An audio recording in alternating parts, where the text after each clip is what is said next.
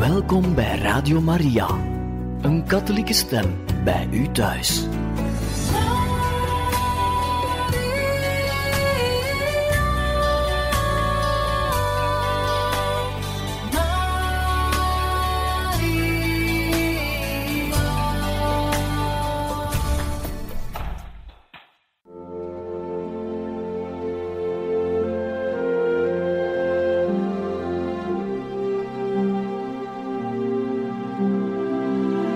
Beste luisteraars van Radio Maria, welkom bij het programma Catechismus.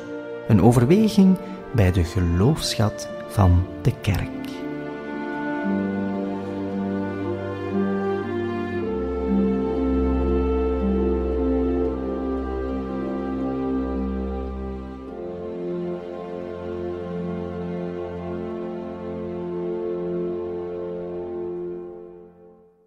Vandaag, beste luisteraars van Radio Maria, luisteren we verder naar eerwaarde heer Arthur Janssens, naar een tweede aflevering in deze catechese-reeks over het nieuwe van de blijde boodschap. Vandaag, mijn goede vrienden van Radio Maria, zetten we een volgende stap in onze zoektocht naar het nieuwe in de Jezusboodschap. Eerst en vooral kreeg de boodschap van Jezus zijn eigen kleur en invulling door de intieme relatie die Jezus onderhield met zijn vader. Maar er komt nog iets bij. Daar komt nog iets belangrijks bij. Jezus maakte ook waar wat hij voorhield. We vertelden het al. Jezus' woorden straalde een goddelijke kracht uit. Maar de daden waarmee hij die woorden onderstreepte, evenzeer. Sint Jan de Evangelist zal het jaren later zelf optekenen in zijn eerste brief. Hij schreef: We moeten niet alleen lief hebben met woorden, maar ook met daden. En hij schreef die woorden reeds in het eerste hoofdstuk. Hoe vaak zou Jezus het hem niet hebben voorgedaan en voorgeleefd? En geschiedde dat ook niet, een zekere dag, op het meer van Galilea? Het was een meer waar plots een hevige en onverwachte storm kon losbreken. De leerlingen, van beroep waren ze vissers, die wisten er alles van. Telkens als het meer weer eens tempeeste, telkens sloeg dan de angst hen om het hart. En zo gebeurde het dat Jezus eens bij hen was op de boot. Hij lag op de achtersteven te slapen. Ze moesten hem zelfs wakker schudden en hem ter hulp roepen. Zwijg, gebood Jezus de opzwiepende golven, en terstond verstilden ze. De wind ging liggen en er geschiedde wat Jezus vroeg.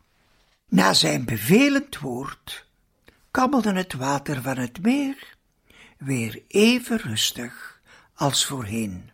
Marcus vertelt ons in zijn evangelie. Hij, Jezus, stond op, richtte zich met een dwingend woord tot de wind en sprak tot het water. Zwijg, stil. En de wind ging liggen en het werd volmaakt stil. De leerlingen wisten niet wat ze hoorden en zagen. Samen met hen stellen we vast, Jezus handelde met gezag. Zijn daden verduidelijkten en voerden uit wat hij zeggen wou. Vlug gingen de leerlingen dan ook ontdekken dat de boodschap van Jezus vervult en waarmaakt waartoe ze oproept. Het zijn niet maar watloze woorden in de wind. het woord van de Heer gebeurt, geschiet, wordt zichtbaar. Zijn leer stoelt niet op wat vrijblijvende beloftes. Diezelfde avond nog gaat Jezus dat nogmaals aan Petrus en aan zijn metgezellen tonen. Na hun avontuur op het meer had Petrus Jezus en zijn mede-apostelen meegetroond naar zijn schoonmoeder. Deze lag ziek te bed. Kon Jezus haar niet helpen? Misschien wel genezen? Natuurlijk wilde Jezus dat. Teder raakte hij de oude moeder aan. Hij nam ze bij haar hand en liet haar uit het bed opstaan. Laconisch vertelt Marcus ons enkele verzen verder. Diezelfde avond nog diende de schoonmoeder van Petrus het avondmaal op voor haar gasten.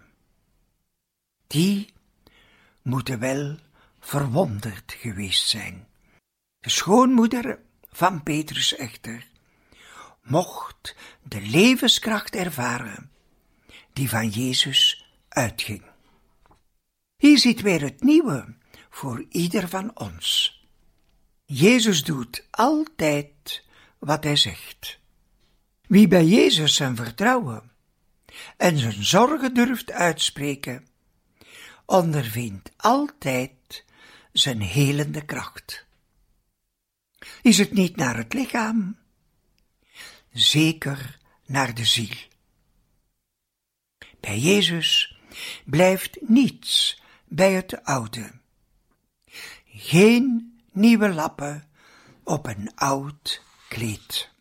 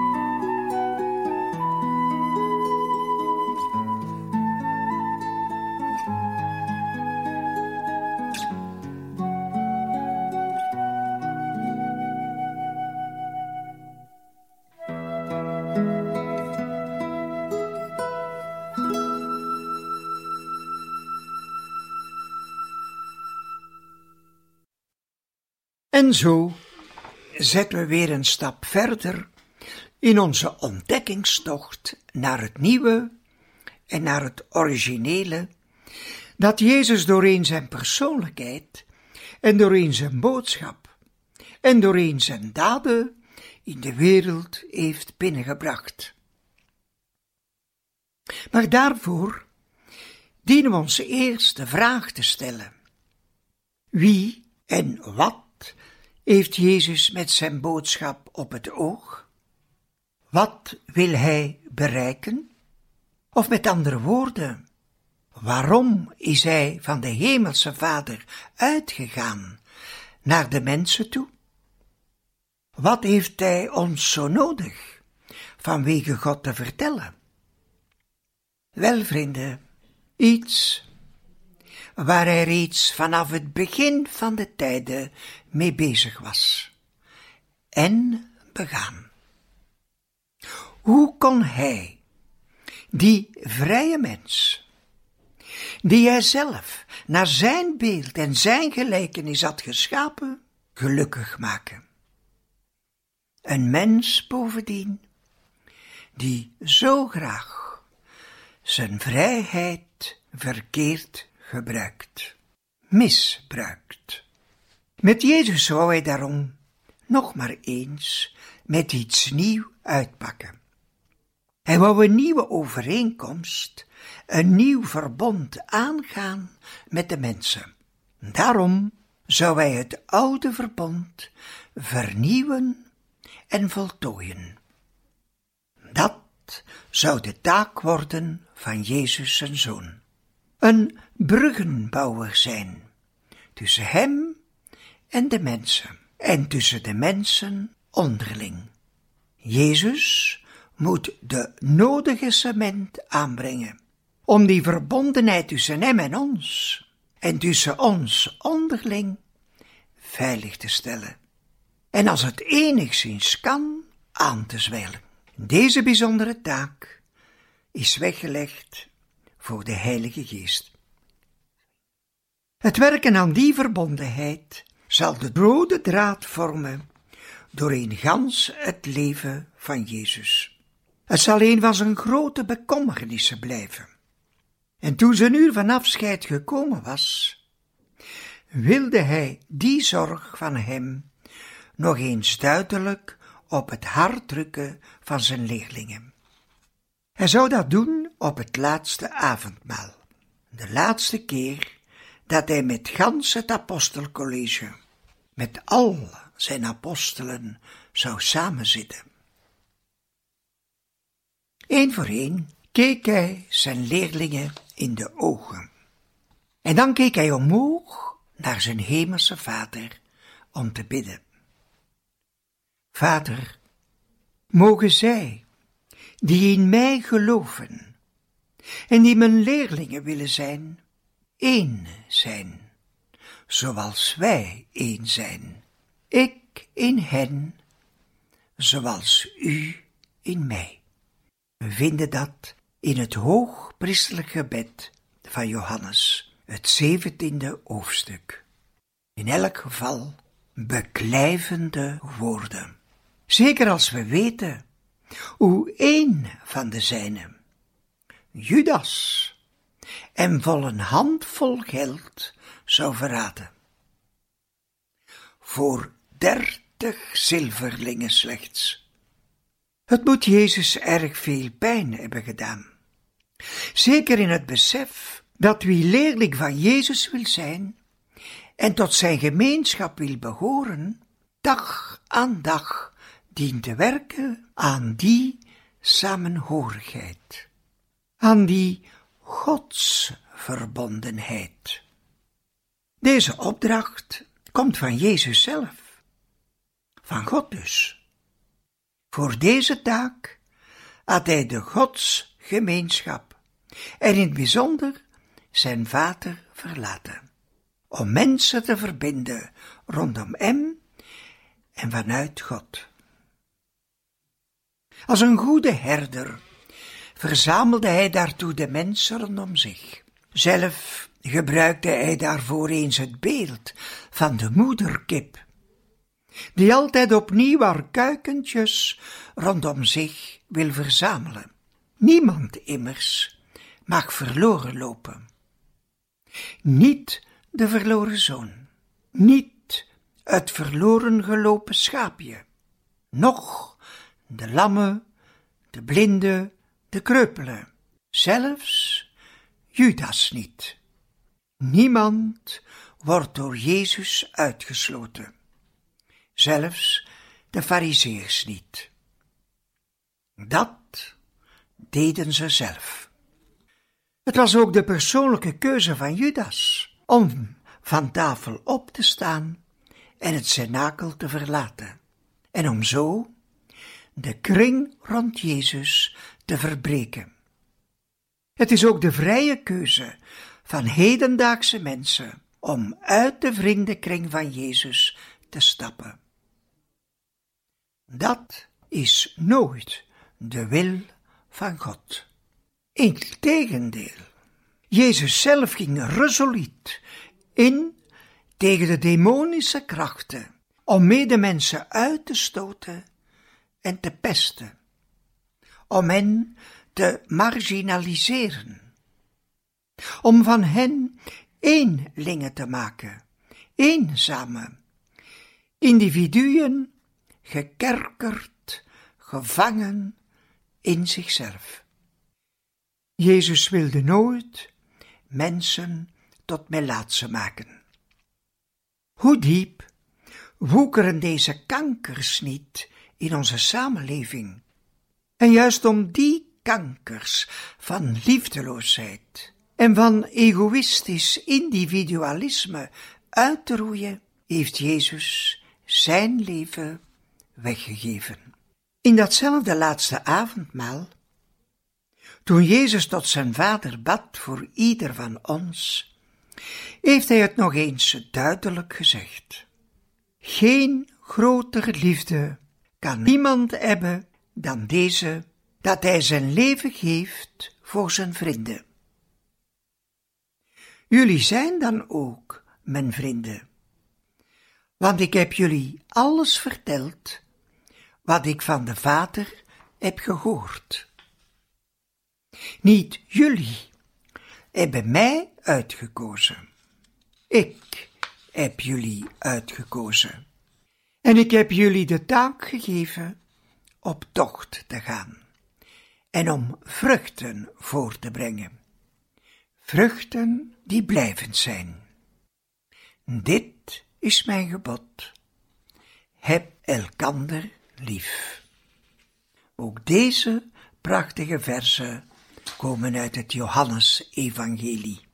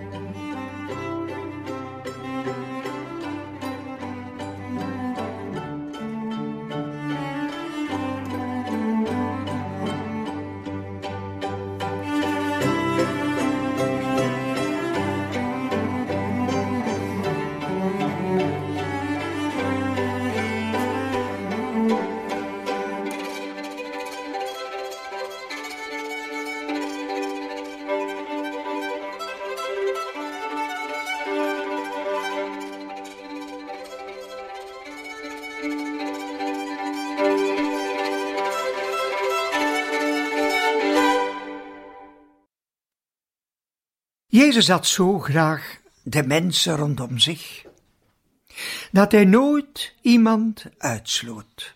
Iedereen, maar dan ook iedereen, was altijd bij hem welkom, zelfs op de meest moeilijke momenten. Het in samenhorigheid weten samen te leven, het verbonden zijn met elkaar rondom hem, stond dan ook bij Jezus zeer hoog op de waardeschaal van richter. Hij hield niet van gekibbel of van zout op slakken leggen. In dit verband herinner ik mij bijvoorbeeld die fameuze avond aan de overkant van de Jordaan. Een ganse dag had Jezus gepredikt en zich afgesloofd. Hij voelde zich doodmoe. Hij hoopte op wat rust. Daarom trok hij zich terug op een rustige plek ergens langs de Jordaan. Maar, zoals zo vaak, de mensen waren hem gevolgd. Toen onder hen enkele moeders Jezus daar zo rustig zagen zitten, vonden ze dat de uitgelezen kans om hun kinderen bij Jezus te brengen en zo door hem te laten zegenen. Moeders willen altijd het beste voor hun kinderen. Maar dat was zonder de waard gerekend. De apostelen wisten hoe Jezus aan rust toe was en ze wilden hem beschermen. Bars staat er in het evangelie van Marcus. Bars stuurde leerlingen die moeders met hun kinderen weg. Maar dat zag Jezus in het geheel niet zitten. Zo'n onhebbelijke en liefdeloze houding stond niet in zijn woordenboek. Verontwaardigd wees hij zijn leerlingen terecht. Bij hem zijn alle mensen welkom, zelfs de zondaars, dus zeker de kinderen. Want voor hen had Jezus een bijzondere voorliefde. Hij stelde hen zelfs tot voorbeeld voor de volwassenen. Het zou niet de eerste keer zijn dat hij een kind bij de kraag vatte en in het midden van de kring plaatste. Geloven dient altijd de ontvankelijkheid van kinderen in zich te dragen. Zo zag ik eens op het college elk jaar opnieuw uit naar de eerste communie. Die eerste ontmoeting van onze kinderen met Jezus, het hoogtepunt van het schooljaar in onze basisschool. Een jaar lang leefden ze toe naar dit heerlijke moment. Maar dat deed ook ik, en dat deed zeker ook de juffrouw van de klas. Samen zagen we hoe die kindjes met een open geest en zo ongekunsteld groeiden naar die wondere dag toe. De dag dat ze Jezus voor het eerst zouden mogen ontmoeten. Hoe oprecht konden zij hun gebedjes, hoe luid, opdat iedereen het zou kunnen horen. Hoe konden hun oogjes blinken als ze bij het binnentreden van de crypte in de basiliek van Koekelberg uit volle borst de woorden van Jezus mochten zingen. Gezien ik niet zo goed kan zingen, ga ik ze maar voorlezen. Laat de kinderen tot mij komen. Alle, alle kinderen. Laat de kinderen tot mij komen. Niemand mag ze inderen. Want de poorten van mijn rijk staan voor kinderen open. Laat ze allen, groot en klein, bij mij binnenlopen.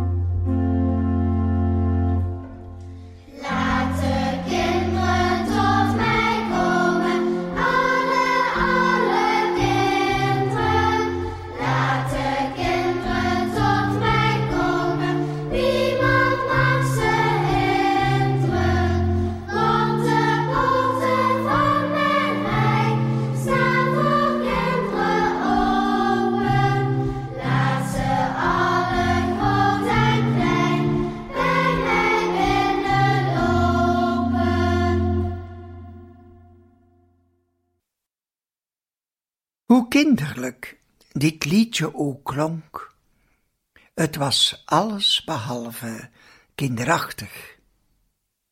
Samen zaten ze daar rond het altaar van de Heer, rond de tafel waar Jezus hen zelf bediende.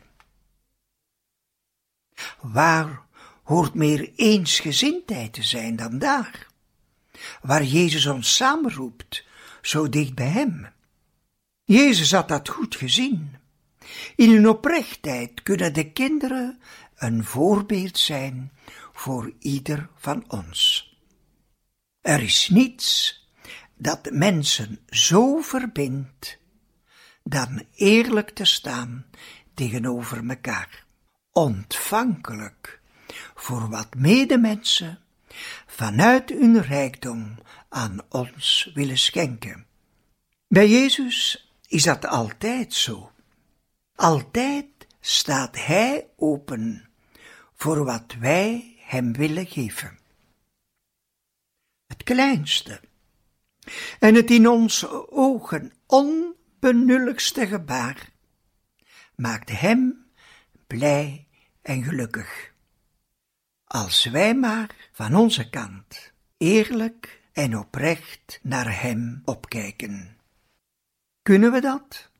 Zeker, met wat hulp van de Heer Jezus zelf.